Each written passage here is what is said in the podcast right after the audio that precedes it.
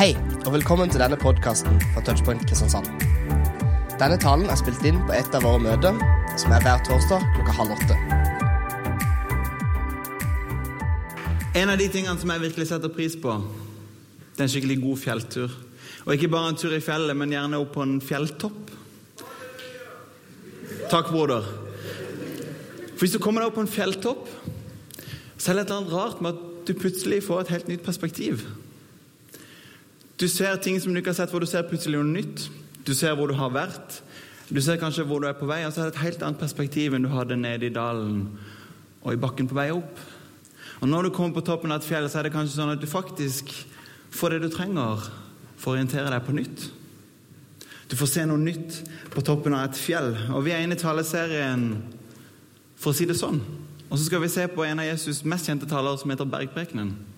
Vi skal være med disiplene på fjelltur sammen med Jesus, og kanskje akkurat i dag så kan du få det du trenger til å orientere deg på nytt.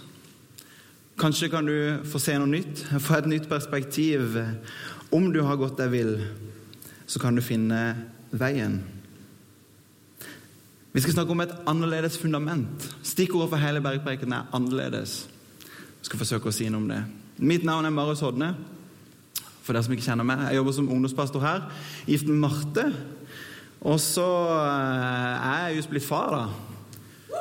Så skal vi se Der, vet du. Jeg har alltid vært redd for at jeg skulle bli sånn klissete far som skulle vise bilder av barnet sitt hele tida, men nå har jeg blitt det. Og så har jeg hørt rykter om at eh, på Touchpoint så er det bare fra alderen til du er babe til du har baby. Så jeg er her på sånn dispensasjon i kveld. Men jeg er veldig glad for å være her. Og så er jeg glad for at det er så mange her, selv om det er Valentine's Day. Så jeg vet ikke om du liksom er på jakt etter en date, eller om du faktisk er på date på Touchpoint i kveld. Men jeg lurte på om jeg skulle slenge ut noen sånne eh, jeg vet ikke, noen sjekketriks. Hadde det vært eh, noe liksom Hvis du kan få bruk for i løpet av kvelden eh, Kanskje. Det første du kan prøve å si, da, det er at eh, Å, jeg visste ikke at engler kunne fly så lavt. Det slår alltid veldig bra an. Ja, takk skal dere ha. Hvis du er litt mer sånn bibelsk tilnærming, så kan du si Du er litt som fisk og brød. Sammen kan vi utrette mirakler. Ja. ja. En klassiker. Så fin bibel du har. Den er veldig bra. Og det aller beste sjekketrikset hør nå, hør nå, det er skikkelig kristent sjekketriks. Hvis du virkelig skal slå til i kveld Foreldrene mine er hjemme i kveld. Har du lyst til å bli med på besøk? Takk skal dere ha for hvitlatter. Jeg, jeg brukte disse når jeg gifta meg, og det funka bra. Marte hun sa ja. Hun ble med hjem og hilste på mine foreldre og vifta oss for eh, Nå er det snart tre og et halvt år siden. Og så er det sånn at når man gifter seg, så gifter man seg ikke bare med den man elsker, men eh, man blir del av en helt ny familie. Rett og slett, Det kommer noen komplikasjoner inn her, for man får noe som heter svigerforeldre. Og eh, Jeg skal ikke tulle så mye med mine svigerforeldre, det tør jeg ikke, hvis de kanskje hører på podkasten etterpå, men Mine svigerforeldre er ikke så ille, altså, men det kan være litt utfordrende når du som ung fyr kommer inn og så skal gifte deg med fars nydelige datter, så føler du liksom behov for å imponere svigerfar litt. Er med på den? Vise at det er liksom en sånn staut kar som kommer her, og at Marte er i trygge hender. Og det er ikke alltid jeg lykkes så godt med det. Nei. Og Sommeren vi og Marte gifta, og så skulle vi på båttur. Jeg hadde fått lov til å låne svigerfars båt. Og så eh, tenkte jeg at det kom til å gå bra. Jeg har eh, vært masse i båt, så det var ikke noe problem. Men utfordringene kom ganske kjapt. og Allerede når vi kom ned til båthavna, så begynte det med at Marte ikke kunne huske hvilken båt som var deres. Ja, Så ringte svigerfar og sa du, kan du forklare hvilken båt det er. Jo, ok, der, ja. Og når jeg kommer til båten, så ser jeg at dette er en litt annen båt enn det som jeg er vant til. Det startes på litt annen måte. Så jeg prøver da å se om jeg kan finne ut av det, men jeg får ikke start på den motoren. Jeg prøver, men ingenting skjer. Det er virkelig null respons. Og så har du ikke lyst til å ringe svigerfar en gang til, vet du. For at, eh, Du skal liksom vise at du duger til noe som helst. Jeg er ikke handy, men jeg kan i hvert fall late som. Men det funker ikke. Så jeg ringer til slutt svigerfar, og han, selv om han er på jobb, klarer å liksom få litt tid til å prate. og så Han forklarer, jeg prøver, men ingenting fungerer. Og Så kommer det til det punktet at han sier at Marius, jeg kan se om jeg kan ordne meg litt fri fra jobb, sånn at jeg kan komme og hjelpe deg. Ja, det kan du ikke ha noe av. Hvis vi ikke får det til, så blir det ikke noen båttur, og så lar vi det være med det. Jeg prøver litt det, og så får jeg start på båten. Halleluja. Så Gud er god. Og da er alt mulig. Så jeg sender stolt melding til svigerfar. ikke sant? Det funker, jeg har start på båten, og så med motoren svivende i bakgrunnen skal jeg liksom bare gå fram og så ta tauet da. og låse opp båten så vi kan komme oss av gårde. Så jeg setter nøkkelen i låsen og vrir om, og så knekker nøkkelen i låsen. Æsj, jeg fatter ikke hvordan det er mulig, men nøkkelen knekker i låsen. Og én ting er jo at eh, det er kjipt. Nå kommer vi ikke på båttur, men det verste er hva skal jeg nå si til svigerfar? Og så gikk det bra, vi kom oss på båttur, men når du ringer svigerfar for tredje gang og forteller at du, den båten din Nøkkelen knakk i låsen, og båten er fastlåst uten mulighet til å låse den opp, så føler du deg dum. Du har ikke akkurat imponert. Og så skal vi prate om å imponere i dag. Forsøke å imponere og fortjene seg til å bli likt, til å bli elska. Vi kan prøve det på svigerfar. Ofte så prøver vi det på Gud. Og så er det ikke sikkert det funker sånn som vi hadde tenkt. Jeg har lyst til å be en bønn. Herre, takk for at du er her. Og takk for at du er sann. Og takk for at du er her. Det er det som gjør hele forskjellen. Vi ønsker å høre for deg. Så jeg har lyst til å be, Herre, du som er en Gud som skaper, må du få lov til å skape noe i våre liv i kveld. Jeg ber om at ditt ord skal få lov til å skape i Jesu navn. Amen. Som jeg nevnte, så handler Bergpreken egentlig om Stikkordet er 'annerledes'. Og Vi skal prate om et annerledes fundament. Og Den engelske forfatteren og teologen John Stott han sier dette om bergpreken, at det er en av mest, Jesu mest kjente taler. Men samtidig så er det den som er minst adlydt. Alle har hørt om det. Veldig mange vet hva som står der. Det er svært få som lever det, sier han. Og så skal vi i den teksten vi ser på, egentlig se på Jesus' sin oppsummering og avslutning av talen, og så handler det om dette, nemlig å adlyde. og ta imot for Han, om å være åpen for Hans vilje og ikke vår. Om å bygge på Hans nåde og ikke forsøke å imponere med vår egen prestasjon. Vi skal ta og lese sammen fra Matteus 7. Så kan dere følge med på skjermen hvis dere vil det, eh, mens jeg leser. Jesus sier, 'Vær den som hører disse mine ord, og gjør det de sier', ligner en klok mann som bygde huset sitt på fjell. Regnet styrtet, elvene flommet, og vinden blåste og slo mot huset. Men det falt ikke, for det var bygd på fjell. Og hver den som hører disse mine ord og ikke gjør det de sier, ligner en uforstandig mann som bygde huset sitt på sand. Regnet styrtet, elvene flommet, og vinden blåste og slo mot huset. Da falt det, og fallet var stort. Da Jesus hadde fullført denne talen, var folket slått av undring over hans lære, for han lærte dem med myndighet. Disse versene er på mange måter kjente vers. Og Det var mye man kunne sagt, men jeg har lyst til å si tre ting. Tre enkle ting som forhåpentligvis skal få noen betydning for oss i dag. Det første er dette når troen beveger tanken, men ikke livet. Når troen beveger tanken, men ikke livet. Det høres kanskje litt rart ut, og kanskje litt hardt ut, jeg vet ikke, men jeg tror faktisk det er mulig at noen ganger så beveger troen bare tankene våre her oppe, men så får det ikke noen påvirkning på livet vårt. Jeg tror faktisk det er noe av det Jesus forsøker å si noe om når han snakker om disse mennene som skulle bygge et hus, hvor han sier Hver den som hører disse mine ord og gjør det de sier, han bygger huset på fjell.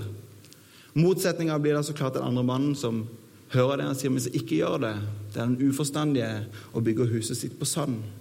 Jesus sier noe om å høre og om å gjøre. Jeg tror faktisk det er mulig at noen ganger kan troen bare bevege tanken, men det påvirker livet vårt i særlig grad. Hvis vi tar Nye testamentet som eksempel, så finnes det kjempemange som er superglade i Det nye testamentet. Elsker evangeliet. De sier Jesus var en stor lærer stor etiker. De kan høre ordene, beundre talen, men likevel får de ikke noen påvirkning og noe å si for det livet de lever. Vi kan eh, gå i menighet, like å høre på taler. Jeg kan til og med høre en podkast i ny og ne og kanskje børste støv av Bibelen innimellom. Men likevel så får det jeg hører og det jeg leser, ikke noe påvirkning for det livet jeg lever. Vi kan si, si ting som 'ja, jeg tror', men eh, jeg trenger ikke å engasjere meg. Ja, jeg tror, men jeg trenger ikke la noen få vite det. Jeg tror, men eh, det trenger ikke å bety at jeg må forandre meg. Noen ganger så kan troen bevege tanken uten at det nødvendigvis bygger livet. I Randesund misjonskirke sier vi at vi ønsker å hjelpe mennesker til å tro på Jesus og et liv med Han. til tro på Jesus og et liv med han. Vi syns det er fantastisk vi arrangerer gudstjenester, møter sånn som dette, hvor det er dødsfet musikk. Det hørte de spille i stedet, det var helt rått for en start.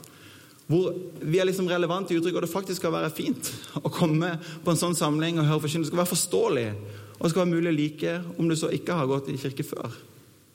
Vi ønsker det, vi jobber for det. Men det andre delen er like viktig. Vi ønsker å hjelpe mennesker til å tro på Jesus, men dette livet med Han. Og Egentlig er det det jeg har lyst til å si noe om. Det fins et liv sammen med Jesus som vi ønsker å si noe om. Et liv i etterfølgelse av han, og jeg ønsker å dele om noe om det. Det fins et liv som vi kan få vokse inn i. Vi tror på en Gud som faktisk sier at han er med. Vi tror på en Gud som leder meg, som former oss, som faktisk er en virkelighet. Og så kan jeg noen gang tenke ja, det er fint å høre, men hva har det å si for mitt liv? Akkurat dette det er noe som gjør det fantastisk å jobbe som ungdomspastor. Når ungdommer kommer til meg og sier Marius, jeg har lyst på mer av dette. Dette greiene med Jesus jeg, Kan du fortelle meg hva jeg skal gjøre? Jeg vil gjerne ha mer. Marius, jeg har lest Det nye testamentet nå. Hva skal jeg lese nå? Marius, den boka du ga meg, har du en bok til for at jeg er ferdig med den? Marius, jeg leste dette i Bibelen i dag morges. Kan du forklare hva det betyr? Vet, disse ungdommene de leser jo en hel haug. Kanskje jeg må begynne å lese litt sjøl. Jeg blir i hvert fall utfordra. Og så kommer jeg aldri til å glemme den unge gutten som etter en tale jeg hadde holdt på ungdomssamlingen, kom og fortalte meg hva han hadde gjort. Jeg hadde talt om kjærlighet på en samling liksom som dette, og så hadde jeg brukt Jesu ord om eh, den gylne regel.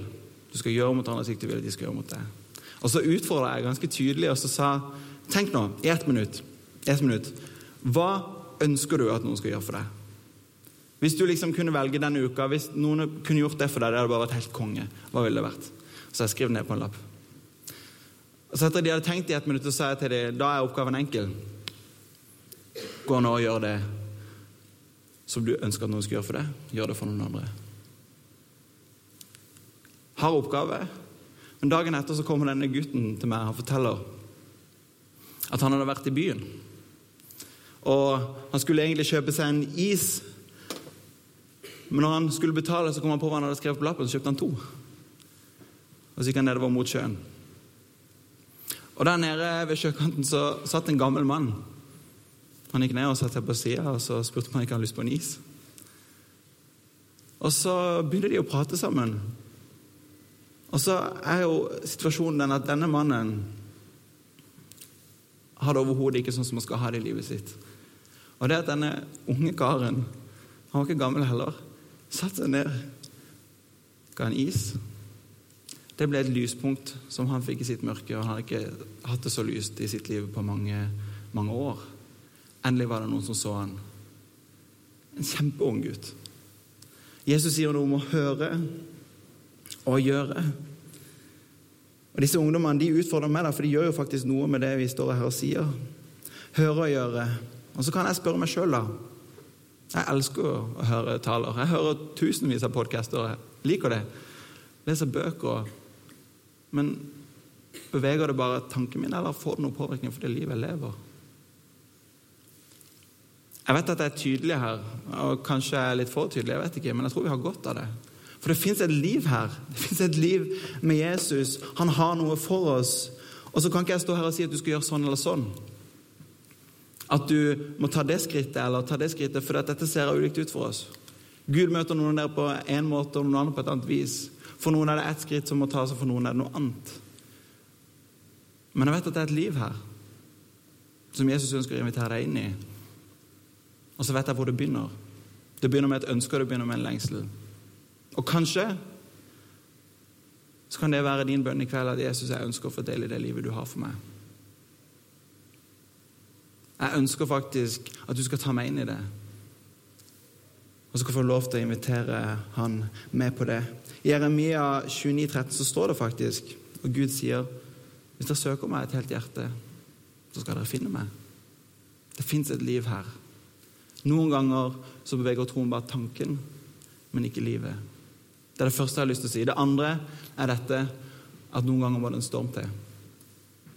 Noen ganger må det en storm til. Jesus sier i teksten vi leste, at det kom en storm. Dere klarer å huske tilbake til teksten vi leser. Det kom en storm, og når stormen kom for begge, så bygde hus. Det sto regnet styrtet, elvene flommet, og vinden blåste og slo mot huset. Og så er det viktig å ta opp noen ganger, for av og til så får jeg høre at eh, hvis du står virkelig nærme Jesus, så kommer det ikke noen storm. Jeg vet ikke hvor det kommer fra, men det står i hvert fall ikke noe om det i denne boka. Stormen kommer for begge to. Om man så bygde huset på fjell eller huset på sand. Livsstormen, den kommer for meg, og så kommer han for det. Om han er kristen eller ikke, så kommer det en storm. Men likevel så er det et håp her, for Jesus sier det går an å bli stående. Hvis stormen ikke kommer, og hvis du er heldig å slippe, så kan du få klage til Gud om at jeg ikke holdt det han lov når du kom til himmelen. Men stormen kommer. Så er det et håp her. Det går an å bli stående. Jeg har lurt på noen ganger hva er det som gjør at noen forteller og kanskje deler et vitnesbyrd om en livsstorm de hadde i sitt liv. Og så forteller de hvordan de kom styrka ut av det. Mens andre jeg prater med, forteller om livsstormen som kom, men så lar de bare troa vekk. Gud funker ikke, sier de. Stormen kommer, men får to helt ulike resultater. Hvorfor er det sånn? Jeg skal forsøke å si noe mer om det etterpå. Men det går an å bli stående. Og noe av det vakre med de som forteller om stormen og har blitt stående, det er jo ikke bare at de har overlevd, men at de kommer styrke ut av det. ikke sant? Tidligere i høst så hadde pastorene her i Misjonskirka besøk av Jørgen Kristiansen, som er varaordfører i Kristiansand. Og En del av hans historie det er jo nettopp at han ble alvorlig syk med kreft. Og så forteller han til oss det er noe fascinerende med det når sykdommen rammer kroppen din. Og Plutselig ser du alltid et helt annet perspektiv. Og så sier han plutselig så ser jeg at jeg er helt avhengig av Gud. Troen mitt har blitt helt ny. Ikke fordi jeg syntes det var bra at det kom en storm, men noen ganger må det en storm til. Det er faktisk sånn at Noen ganger så må det en storm til for å liksom åpne opp til det livet som Gud faktisk har for oss. Når jeg gikk på videregående, så opplevde jeg min største livsstorm hittil. Jeg, det skjedde noe i min familie, det skjedde noe i mine relasjoner, i tillegg til at jeg ble syk og ikke fikk holdt på med idretten som jeg var så glad i. Og så følte jeg alt raste sammen. Jeg følte alt raste sammen. Jeg følte meg svikta på så mange områder og klagde så enormt til Gud. Og Samtidig som jeg var så ufattelig frustrert på Gud og klagde på Gud, så var han likevel det eneste jeg kunne holde fast ved. Og Når på en måte krisa er over og liksom kan se tilbake, så ser jeg jo én ting. At i mitt liv så måtte det en storm til. Når stormen kom, hva var det den gjorde? Stormen faktisk bare skylte vekk alt som jeg hadde bygd på som ikke holdt mål. Jeg hadde bygd mitt liv på familien min, på alt jeg gjorde på idrettsbanen, på at jeg var flink på skolen, på kjæresten min, som gjorde det slutt. Jeg hadde bygd mitt liv på en haug andre ting. Og Noen av de tingene var bra, det handler ikke om det. Men når stormen kom, så var det ikke det fundamentet som holdt mål. Og Stormen skylte vekk alt annet enn Jesus til det var bare han som sto igjen. Og for å være ærlig, så Etter den stormen så har det bare vært han. Det har vært han jeg bygde på. Hvorfor? Ikke fordi at eh, jeg har vært så flink, for dette det var det eneste som sto igjen. Jeg fant ut det var det eneste som faktisk tåler livet akkurat sånn som det er. Han får lov til å være det fundamentet som bygger vårt liv. Jeg har lyst til å si det er aldri for seint å begynne å bygge på Jesus. Om du kanskje sånn som meg av og til opplever at oi, det jeg har bygd mitt liv på, det er ikke sikkert det holder mål. Når stormen kommer, så er det ikke sikkert fundamentet holder. Det er alltid mulig å bygge på nytt. Det er alltid mulig å starte på nytt. Det er det fantastiske med den Gud vi tror på. Det er Jesus som er klippen. Det er han vi bygger på. Det er han som er fundamentet, og det er faktisk nåden han kommer med, som er det vi kan bygge på. Det gir en annen trygghet, og det bærer livet på en måte som ingenting annet kan. Jeg fikk oppleve at familien svikta. Det svikta ting i mine relasjoner, men det eneste som holder, det eneste som står fast, det var Jesus. Noen ganger må det en storm til. Og Det siste jeg har lyst til å si til dere, er dette. Det er ikke våre dårlige gjerninger, det er ikke bare våre dårlige gjerninger som skiller oss fra Gud. Også de gode. Det er ikke bare de dårlige gjerningene som skiller oss fra Gud, også de gode. Jeg skal forklare hva jeg mener med det. Men Jesus er klippen, da. Det er han vi bygger på. Det er han som er fjellet. Men hvordan ser det ut, da? Å bygge livet på han? Hvis han er det solide fundamentet, hvordan skal jeg da bygge så jeg kan bli stående? Hvorfor er det sånn, som jeg sa i stad, at noen forteller om at de gikk styrka ut av en storm, mens noen legger troen helt vekk? Jeg har hørt mange historier om begge deler. Og Hvis vi går tilbake i teksten vi leste, så handler det om to menn som bygde et hus hver. Begge mennene hadde samme utgangspunkt for at de ønska å bygge et hus. Og begge klarte det. Men de løste oppgaven litt på forskjellig måte. Det handler om hvordan vi bygger. Det kan virke som han ene, han første som bygde, gjorde litt mer research enn den andre. Jeg ser for meg at han skulle bygge et hus, og så gikk han og spurte om råd. Hvordan skal jeg bygge dette huset på en bra måte? Han tok seg tid og fant ut det er lurt å bygge en god grunnmur. Er grunnmuren feil, så er alt annet feil. Så han begynte der. En solid grunnmur, et solid fundament. Jeg bygger på fjell. Den andre derimot hadde litt dårligere tid. Hadde ikke tid til å spørre om råd. Det kan egentlig virke som han bare er mest opptatt av å få opp et stort og flott hus, og det så fort som mulig. Og aller helst så skal jeg gjøre det sjøl. Hvis jeg bare kan få det til å bli stort og prakkfullt, og få det opp fort, sånn at alle kan se hvor fort og hvor stort huset har, så blir jeg veldig fornøyd. Poenget er Ofte så tror jeg vi bygger våre kristne liv litt på samme måte som han siste her. Vi har en fryktelig tendens til å ta oss sammen Tenk at nå skal jeg fikse dette kristne livet. Nå skal jeg bygge dette fline, flotte kristne huset som er mitt åndelige liv. Og så skal det se så bra ut. Vet du hva? Jeg skal lese i Bibelen tre timer, jeg skal be to timer, jeg skal jogge fem mil hver dag. Så bra skal det være. Og så kan alle se det flotte kristne livet jeg lever. Vet du hva som skjer? Hvis vi er opptatt av å fikse livet sjøl, bygge vårt store, flotte kristne åndelige hus, så er det faktisk at den nåden som Jesus forsøker å bygge hele ditt liv på, den får han ikke mulighet til å slippe til med. Når vi prøver å fikse allting sjøl, så er det akkurat som vi stenger Gud ute. Det er derfor den kjente forkynneren Timothy Keller sier dette. Jeg synes Det er fantastisk sitat. Det er to måter å være sin egen herre og frelser i livet på. Den ene ved å være veldig dårlig, og den andre ved å være veldig god. Noen ganger så bygger vi dette livet og tenker jeg skal ta meg sammen, jeg skal prestere, jeg skal få det til. og så stenger man Gud ute. Han har lyst til å bygge nåden og et solid fundament i ditt liv, men du slipper han ikke til. For du skal fikse sjøl. Historien som illustrerer dette best, er historien om den bortkomne sønnen. En far som har to sønner. Den ene sønnen han sløser livet bort i sus og dus. Og Så kommer han tilbake til sin far, som arrangerer en fest for ham. Og Så har du den andre broren hjemme i huset, som blir ufattelig irritert på sin far.